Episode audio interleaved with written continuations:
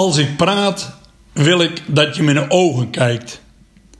Ook zo genoten van het Nederlands elftal tijdens de wedstrijd tegen Turkije? Ik wel.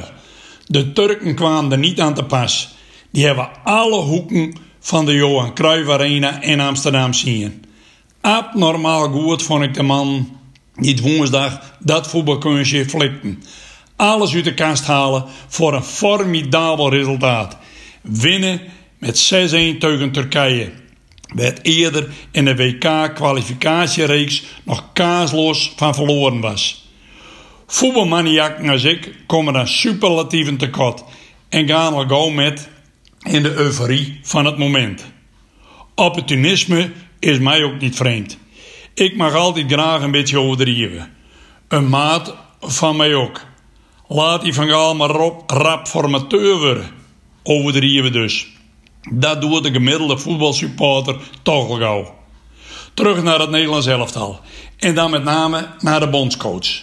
Ik, Louis van Gaal. Wat een fantastische prestatie hebben hij en zijn staf leverd. Van een zielig en begrootlijk ploegje verwende topspelers, het trainer en coach binnen een vloek en een skate een wervelende voetbalmachine maakt. Grote klasse. Louis glom na afloop van de wedstrijd tegen Turkije. En terecht. Niks mis met. Hij mocht even genieten van het moment.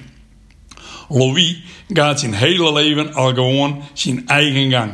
Moet niks hebben van saaie vakbroeders die het immer en altijd met de massa metgaan. Wie achter de kudde aangaat, loopt altijd in de stront, zou ik maar zeggen. Daags na de eclatante overwinning stond Louis alweer op het veld bij zijn oude clubke SV De Meer voor een improviseerde jeugdtraining. Daar in de Amsterdamse Watergraafsmeer stond ooit zijn voetbalwiegje. Scoorde Louietje als speler van de Meer zeven keer in een met 9-1 wonnen wedstrijd van de Ajax B4. Top, al die mooie herinnerings. Tijdens die bijzondere training bij zijn oude clubje was er een jonkje dat in de optiek van Louis van Gaal even niet oplette. Als ik praat, wil ik wel dat je me in de ogen kijkt. Ik kom hier voor jullie. Dan mogen jullie wel enige aandacht aan mij geven, bulderde ik Louis. Het jonkje stuitte de haast achterover. Ik trouwens ook. Misschien zoek ik er wat veel te achter. Spiekers op laag water. Maar bovenste beste oud-collega schoolmeester Van Gaal. Ik dacht in een split second aan kinders met autisme. Niet heel vaak meesten niet in de ogen aankijken. Dat doen ze echt niet met opzet.